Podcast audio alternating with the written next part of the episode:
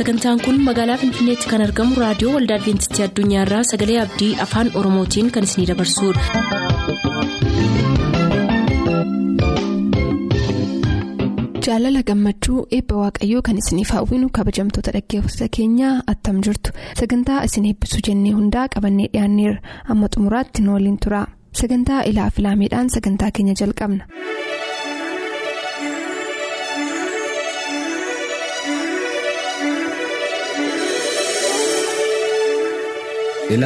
Kan turtanii raadiyoo keessan banattaniif kun raadiyoo waldaa adventistii addunyaa sagalee abdii.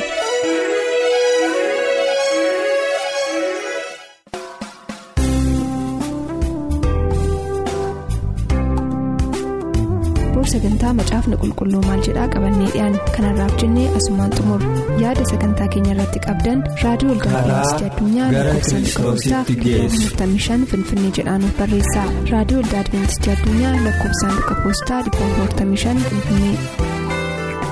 karaa gara kiristoositti geessu.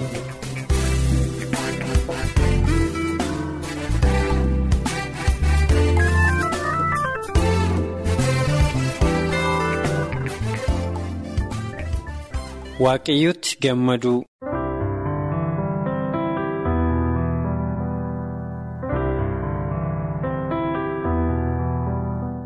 Lallaba isaa isa gaara gubbaatti Kiristoos bartoota isaa beekumsa gatii jabeessa isaan barsiise.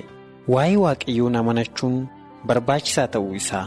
Barsiisi kun bara hundumaattuu ijoollee waaqayyoo akka jajjabeessinuuf darbe immoo yeroo keenyatti barsiisaa fi jajjabina guutuudhaan gad nuuf dhufe. Fayyisaan warra duukaa buutuu isaa gara simbirroota waaqaatti isaan agarsiisee yeroo isaan faarsaa galataa faarsan yaaddoo waa tokkootiin utuu hin miidhamin isaan hin facaasan yoo yookiis hin haaman haa ta'u malee abbaan keenya inni guddaan fedha isaanii hundumaa isaaniif kenna. Fayyisaan akkas jedhee gaafata. isin isaanirra guddaa hin wayitanii ree wangeela maatiyoos boqonnaa ja'a lakkoofsa digdamii ja'a inni arjaan guddaan namaaf bineensa bosonaaf harka isaa bal'isee uumaa isaatiif fedha soora isaanii hunda in kenna. Simbirroonni waaqa hubannaa isaa keessaa ala hin ba'an. Afaan isaanii keessatti nyaata gad hin harcaasu. Haa ta'u malee fedha isaanii hundaa isaaniif in kenna. Ija mukaa. inni isaaniif facaase walitti qabachuutu isaanirra jira. Manneen xixinnoo keessa taa'aniif waan barbaachisu walitti funaanuutu isaanirra jira. Wicii isaanii sooruutu isaan gubbaa jira. Gara hojii isaanii faarsaa dhageessisaa dhaqu. Abbaan keessan inni waaqa irraa isaaniin soora. Isinoo isaanirra guddaa hin caaltanuure ogummaa kan qabdan hafuuraan kan waaqessitan kan simbirroota waaqa irraas gatii guddaa qabdan. Dhugumaan egaa uumaan keenya jireenya keenyaa fi lubbuu kan kennu bifa waaqummaa isaattis kan nu uume waan nuuf barbaachisaa ta'ee nu hin kennuure.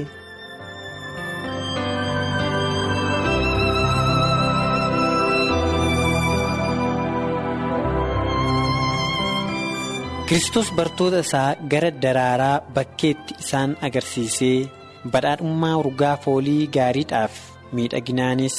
Kan abbaan keenya inni waaqa irraa isaaniif kenneen kan guddatan akka jaalala waaqayyoo namootatti mul'isaniif akkanas isaaniin jedhe daraaraa bakkee ilaalaa attam akka guddatan miidhaginaan ofiin kan guddatan daraaronni kun harka meeqas ogummaa solomoon isa baay'ee irra caalu uffanni hunda caalaatti miidhagee nama ogeessaan hojjetame tokko illee.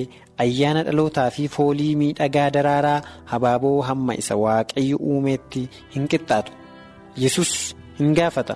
Waaqayyo marga bakkee isa har'a dhaabatu boris gogee ibiddatti kan naqamuuf waan gaarii akkanaa kan itti uwwisu erga ta'ee isiniif immoo hammam guddaa caalchisee hin uwwisuu mooree? Isin amantii hir'uu nana jedhe. Maatiyoos boqonnaa ja'a lakkoofsa 28 hanga 30 waaqayyo erga waaqummaa isaatiin waan laayyootti guyyaa tokkotti daraaree baduuf miidhagummaa adda addaa itti uwwise. Hammam caalchisee bifa isaatiin kan uumaman namootaaf eegumsa caalu qaba?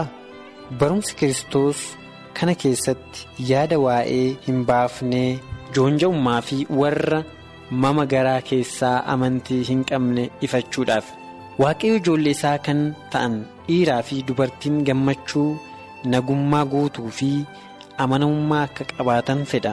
Yesus ni jedhawoo nagaa koo isin faana kenna. Akka biyyi lafaa kennutti miti. Kan ani isiniif kennu garaan keessan hin na'in yookiis hin sodaatin. Isaan kana ani isinitti himeera'oo gammachuun koo isinitti akka jabaatuuf gammachuun keessanis haa raawwatamuuf. Wangeela yohaannis boqonnaa kudha afur lakkoofsa 27 akkasumas immoo wangeela yohaannis boqonnaa kudha shan lakkoofsa kudha tokko. gammachuun karaa hojii qajeelaa utuu hin ta'in fedha mataa ofii jaallachuu irraan argamee madaala qajeelaa miti roobeetu caama ufee bada ni darbas lubbuunis gaddaa fi qofummaan itti dhaga'amuudhaan guutu garuu waaqayyoof hojjechuu keessa gammachuu nama qoobsutu jira duukaa buutuu kiristoos kan ta'e daandii dhugaa hin ta'in irra adeemuuf qofaatti hin hafu. Gaabbii hin taaneef abdii kutannaa keessatti hin hafu. yoo jireenya ammaa kana keessatti illee gammachuu dhabneef isa jireenya kana booddee jiru ilaaluudhaan gammachuu guutuu qabaachuutu unurra jiraata. Garuu asuma biyya lafaa kana keessatti illee kiristaanonni gammachuu kiristoosii wajjin tokko ta'uutti ni qabaatu ifa jaalala isaattis ni qabaatu.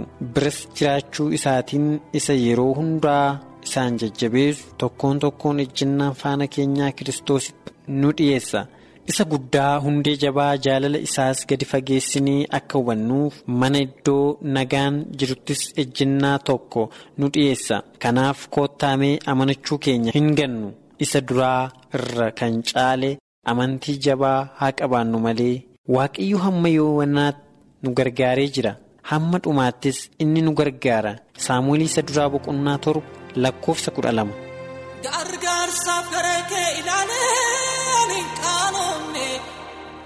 Gooftaa gosi hammatee ani yeelaane warra naannoo naannootee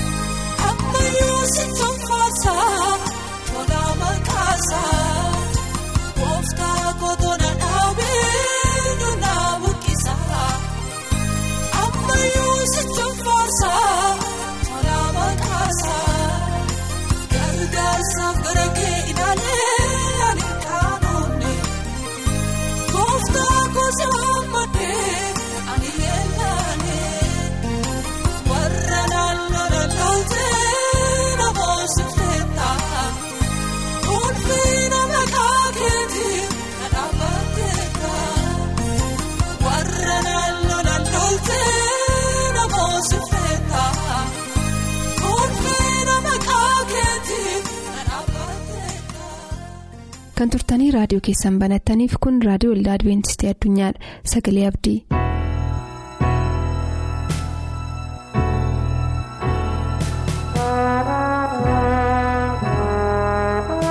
waaqayyoon abbaa keenya guddifnee gaarii gooneen galateeffannaa dhaggeeffattoota yeroo kana sagalee waaqayyoo dhaga'uudhaaf reediyoo keessan kan banattan hundinuu ayyaanni waaqayyoo isiniif haa baay'atu yeroo kana mata dureen nuyi walii wajjin ilaallu kan inni jedhu kiristoosiin ni jaallattaa jedha kiristoosiin ni jaallattaa mataa keenya gad qabanneen kadhanna. jaalala bara baraatiin kan nu jaallattee qulqulluu mootii israa'el waaqa amanamaadhaaf farjaa abbaa. gaarummaa keef gochaa keef araara keef nagaa kee isa waan hundumaarra caaluuf abbaa koo guddifnee si galateeffannaa galanni guddaan siif haa ta'u jaalalli ati nuuf jaallatte guddaadha ofii kee aarsaa qulqullaa'aa gootee nuuf dabarsite qoodaa duunurra ture dabarfamtee nuuf duute kanaaf guddifnee si galateeffannaa jaalala guddaa ammana ga'uuf maqaan kee kan galateeffame haa ta'u yeroo kan ammoo mata duree ilaallu barnoota baran dubbii dhageenyu irratti. yaada fudhatu qalbii hubatu ati tokko tokko keenyaaf kenni maqaa yesuusiif jedhii ameen. Kiristoosiin ni jaallattaa jedhan tarii baay'ota keenyatti gaaffiin kun gaaffii akkamiitii jennee yaaduu dandeenya ta'a gaaffiin kun namoonni tokko tokkoon keenya carraa qabaannee utuu wal gaafanneeti bifa wal fakkaatuun deebii wal fakkaatu akka deebifnu nan amana sababiinsa. Kiristoosiin ni jaallattaa yeroo jedhamu namni lakki ani kiristoosiin hin jaalladhu jedhu waan hin jirreef deebiin hundumti keenyaayuu eeyyee jechuu ta'uu danda'a. Jaalalli namaaf waaqa gidduu jiru jabaatee akka mul'atuuf seenaa addunyaa keenyaa kana keessatti wantoonni baay'een raawwatamanii turan. Namni waaqayyoon hin beekaa namni waaqayyoon hin jaallataa namni waaqa beekuusaa jaallachuusaa immoo haala akkamiitiin yookaan haala kamiin mul'isuu danda'a. jedhamee yeroo ilaalamu jaalalli namaaf waaqa gidduu jiru haalota adda addaatiin akka calaqqisiifamuuf wantoonni godhaman turaniiru. Yeroo biyyi lafaa kun uumamte yookaan ergi biyyi lafaa uumamee namni uumame booda jaalalli namaaf waaqa gidduu jiru olaanaadhaaf cimaa akka ta'uuf yookaan immoo bu'uura cimaa irratti akka hundeeffamu waan barbaadameef waaqayyoo addaamiif yohaaniif abboommii isaaniif kenne. Namni waaqaaf jaalala isaa kan inni ittiin agarsiisu. isaaf abboomamuun akka irra jiraatu agarsiisuudhaan sababiin isaa kuni mallattoodha kuni milikkita isaaf mallattoon jaalalaa abboomamuudha mallattoon jaalalaa eenyummaa ofii dabarsanii kennuu waan ta'eef kanaaf yeroo dhannee ilaallu deemsa kakuu moofaa keessatti raawwatamaa turan keessatti haala adda addaatiin walitti dhufeenya namaaf waaqa gidduu jiru jabeessuudhaaf waaqayyo hojii guddaa hojjetee ture ijoollee israa'eliif waaqayyoo abboommii kennee ture. karaa garbicha isaa Museedha. Museen fuula waaqayyoo duratti ulfina ayyaana yeroo argate ijoollee Israa'eliin harka boojuudha harka gabrummaadha. Baha cubbuu isa isaan rakkisu jala akka isaaniin baasuuf yeroo abboome waaqayyo akkasumattiin akka ba'aniif akkasumattiin akka jiraataniif akkasumattiin gadhiisiidhaaf akka barbaadanitti akka hin deddeebineef jaalalli inni kaleessa inni inni isaaniif qabu isaanirraa immoo gara isaatti akka calaqqisiifamu waan barbaaduuf. Waaqayyo karaa Musee garbicha isaa abboommii isaaniif kenne. Abboommii waaqayyo isaaniif kenne kun abboommii humna isaanii waliin turre. Wanta isaan gochuu hin dandeenye hin turre. Waanuma isaan gochuu danda'aniin waaqayyo isaaniif hin ta'a. Isaan qajeelcha. Isaan bituu danda'a yookaan immoo jireenya isaanii geggeessuu danda'a. Jireenya amantii isaanii, jireenya fuuldura isaanii geggeessuu danda'a isa jedhu ilaalee waaqayyo. Abboommii isaan raawwachuu yookaan eeguu danda'an isaaniif kenne. Qormaataaf hin turre. Ijoolleen Israa'el akka itti dhumaniif kan isaaniif kenname miti. Sun garuu raawwatee ta'uu hin dandeenye. Ijoolleen Israa'el waaqa tolfamaa kamiyyuu nan irratti hin qabaatiin waaqayyo jedheetu isaan abboomaa jiru. Isaan garuu biyya Gibsii isa baatanii ba'an harka isaaniirraa yookaan quba isaaniirraa isa yaasanii warqee fakkeenya jabbii sanaatti isa ilaalamu hojjetanii kufanii sagaduuf turan. Waaqayyoof abboomamuu caala adeemsi ijoolleen Israa'el fuulduratti deeman hundinuu abboommi waaqayyoo erga isaanii kennameetu isaanii hin kennamiifnis kan isaan godhani faallaa amala waaqayyoo ture. Jaalala isaan waaqayyoof qaban kan hin agarsiifne ture. Kana duwwaamini seenaa kakuu moofaa keessattis amma yeroo ilaallu waaqayyo yeroo adda addaatti raajota mataasaa ergee ijoollee isaatti dubbachaa akka ture barsiisaa akka ture geddaruudhaaf yaadaa akka ture jijjiirama akka fedhu isaayyaasiin akka kaase isqeeliin akka kaase ermiyaasiin amoosiin dhaxxanii yoo ilaaltani isaan kun hundinuu namni jaalala waaqayyoo akka qabaatu waaqa tolfamaa akka dhiisu jireenya isaa keessatti isa gooftaa isa ta'e isa rakkisu dhiisee waaqayyoon jaallachuu akka qabutu itti erge. Oolaan adda addaa aarsaa ta'aa turaniiru. Dhiiga oolaa dhangalaasuun inni danda'u gugee qabee dhiyeessuudhaan luboota duratti dhiyeessuudhaaf cubbuu isaatti araaraa argachuudhaaf aarsaa dhiyeesse yaalinni inni godhe olaanaadhaaf cimaa ture. Kun hundinuu garuu namni jaalala waaqayyoo akka qabaatuuf wanti inni agarsiise faayidaa inni oolche tokkollee raawwatee hin argamne. Seenaan kakuu moofaa haala kana fakkaatan yeroo ilaallu gara kakuu haaraatti dhufne yeroo ilaallu garuu gooftaan yesus Kiristoos isa kaleessa abboommii eeguun isa kaleessa raajii dhaga'uun isa kaleessa oolaa qaluudhaan gugee aarsaa godhanii dhiyeessuudhaan deebisuun hin danda'amne sana araara guddaa riqicha waaqaaf nama gidduudhaa diigame gatii guddaa kafaluudhaan waaqaaf nama araarsuudhaaf gara biyya lafaa dhufe.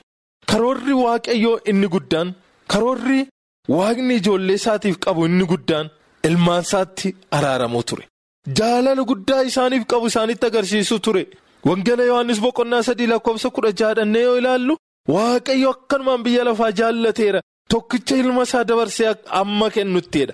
Waaqayyo akkasumaan biyya lafaa jaallate yeroo jedhu namni homaatuu isaaf hin godhin namni homaatuu isaaf hin dhiyeessin waaqayyo akkasumaan tola biyya lafaa jaallate. Tola keenyaan mini gaarummaa keenyaan mini isa nuyi goon hojii gaariitiin miti waaqayyo akkasumaan biyya lafaa jaallate. Jaalala guddaa akkasii keessatti gaa tokkicha ilma isaa aarsaa qulqullaa'aa godhe gara biyya lafaatti yeroo ergu garuu gooftaan yesus Kiristoos gara biyya lafaa yeroo dhufe raajiidhaaf abboommota kaleessa jiran diigee ofii waan haaraa ijaaruudhaaf hin dhufne. Inni kaleessa Eliyaas dubbate, inni kaleessa Ermiyaas dubbatu, inni kaleessa Isaayyaas dubbatu, inni kaleessa Museen dubbatu, inni kaleessa harka Museetti kenname abboommiin sun. Dhugaadhaaf cimaa akka ta'e raawwatee isa diiguudhaaf akka hin dhufne isa jabeessuudhaaf akka dhufe addunyaa hubachiise. Maatiyus boqonnaa shanii lakkoofsa kudha torbarraa dhannee yoo ilaalle waaqayyo iddoo kanatti inni inni godhe inni inni raawwate yoo jiraate abboommii isa kaleessa ture sana abboommii isa kalee raawwatame sana harka museetti kenname sana raajota warra kaleessa turan warra kaleessa hojii isaanii raawwachaa turan sana. Mormuudhaaf akka hin dhufnetu jala muree dubbata. Maatiyus boqonnaa shan lakkoofsa kudha torbarraa akkas jedha yesuusis seeraaf barsiisota raajotaa diiguudhaaf waan hin dhufe seenaa. Ani isaan raawwachuudhaaf hin dhufe malee diiguudhaaf hin dhufne jedha jaalalli inni kalee ture. Jaalalli inni kaleessa tooftaan inni waaqayyoo gegeddaree sabni isaanii dhaga'u arra baruu bor baruu kaleessota seera isaanii kenna. Borimmoo raajota isaaniitti ergee. Isaan barsiisaa ture sun. Waan isaan hin barsiifneef aarsaa guddaa kafaluudhaaf gara addunyaa gooftaan keenya yesus Kiristoos dhufe. Kun jaalala guddaadha. Jaalala akkasii fide. Jaalala akkasii jireenya keenya keessatti dhangalaase.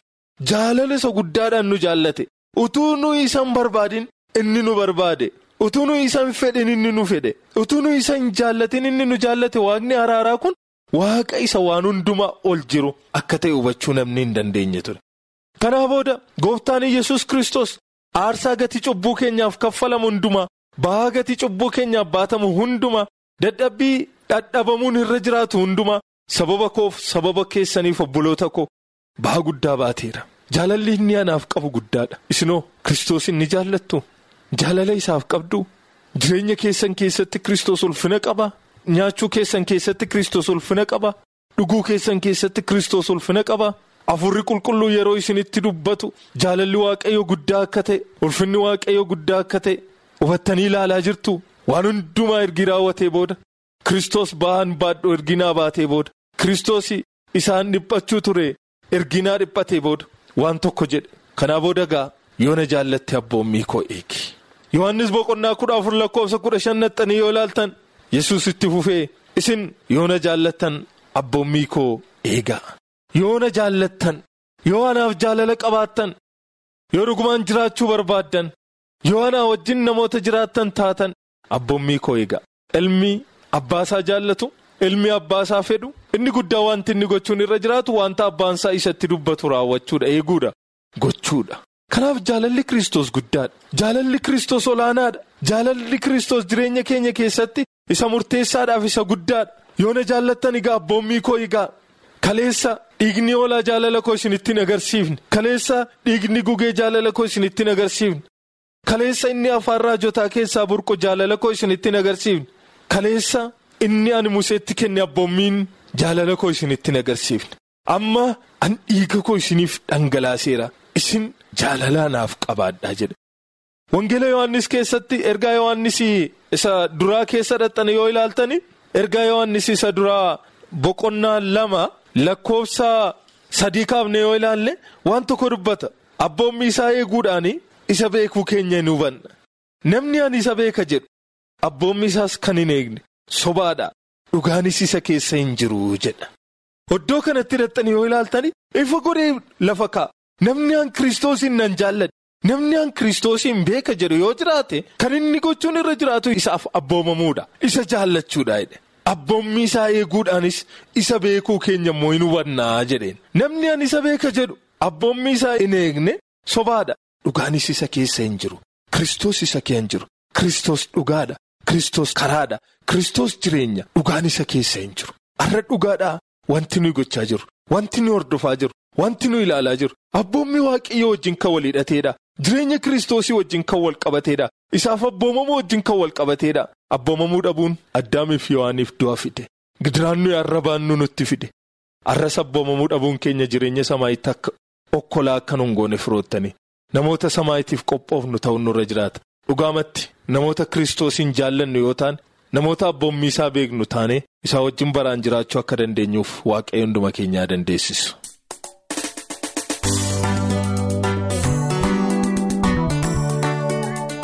Boor sagantaa macaafni qulqulluu maal jedhaa qabannee dhiyaan kanarraaf jennee asumaan xumur. Yaada sagantaa keenya irratti qabdan raadiyoo olda adventistii addunyaa lakkoofsaanduqa poostaa 455 finfinnee jedhaanuf barreessa. Raadiyoo olda adventistii addunyaa lakkoofsaanduqa poostaa 455 finfinnee.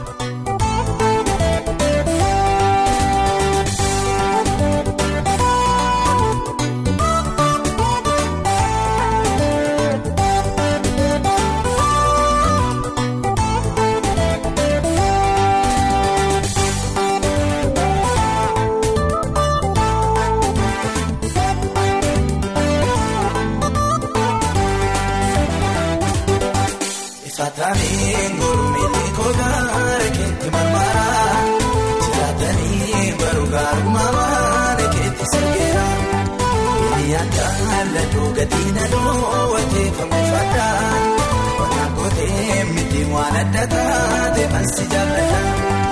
Saataaniin gurmii kogaara keetti marmaraa jiraatanii baruu gaarummaa keetti sirgeera. Jaalladhu gatiin dhoowwatee fanguufadhaa waan gootee miti waan adda taate ansi jaalladha. Si jaalladha jaalladha baay'ee si jaalladha baay'ee baay'ee si jaalladha baay'ee si jaalladha baay'ee baay'ee si jaalladha.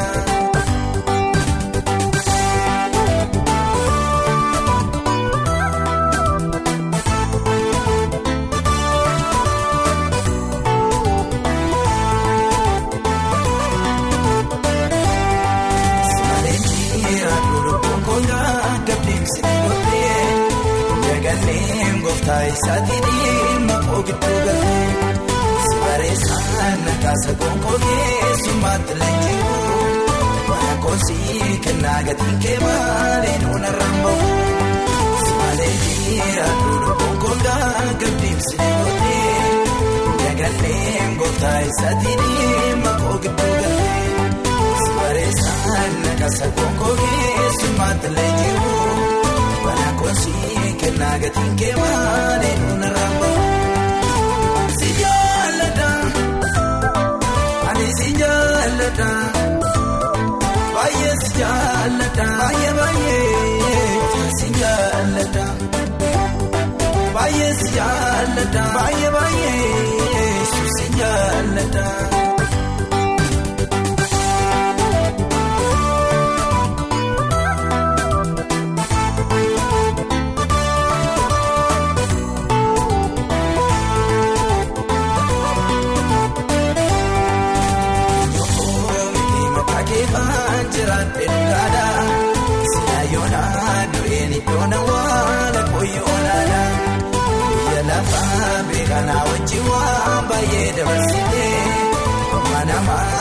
namaa deeggarsa jaalla waan jokkoo caccabsitee eenyuun miti maqaa keefaan jiraate dhugaadha sila yoonaa du'een iddoon awwaala kooyyoo olaadha.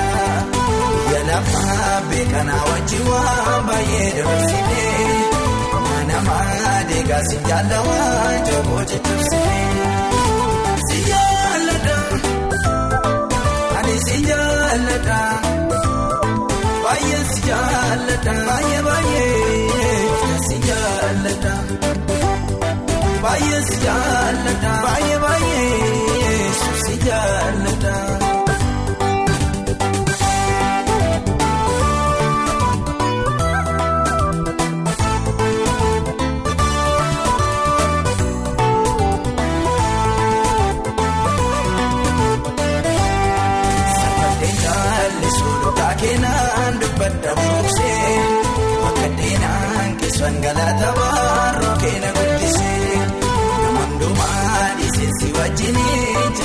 Biroomaa bakka duwwaa ta'us mana kan kee ta'eef nan durooma safadde jaallisuu dhugaa keenan dubbadda buuksee akka deenaan keessan galata baaroo keena guddisee namoonni dhiisinsi wajjinii cimsadde biroomaa bakka duwwaa ta'us mana kan kee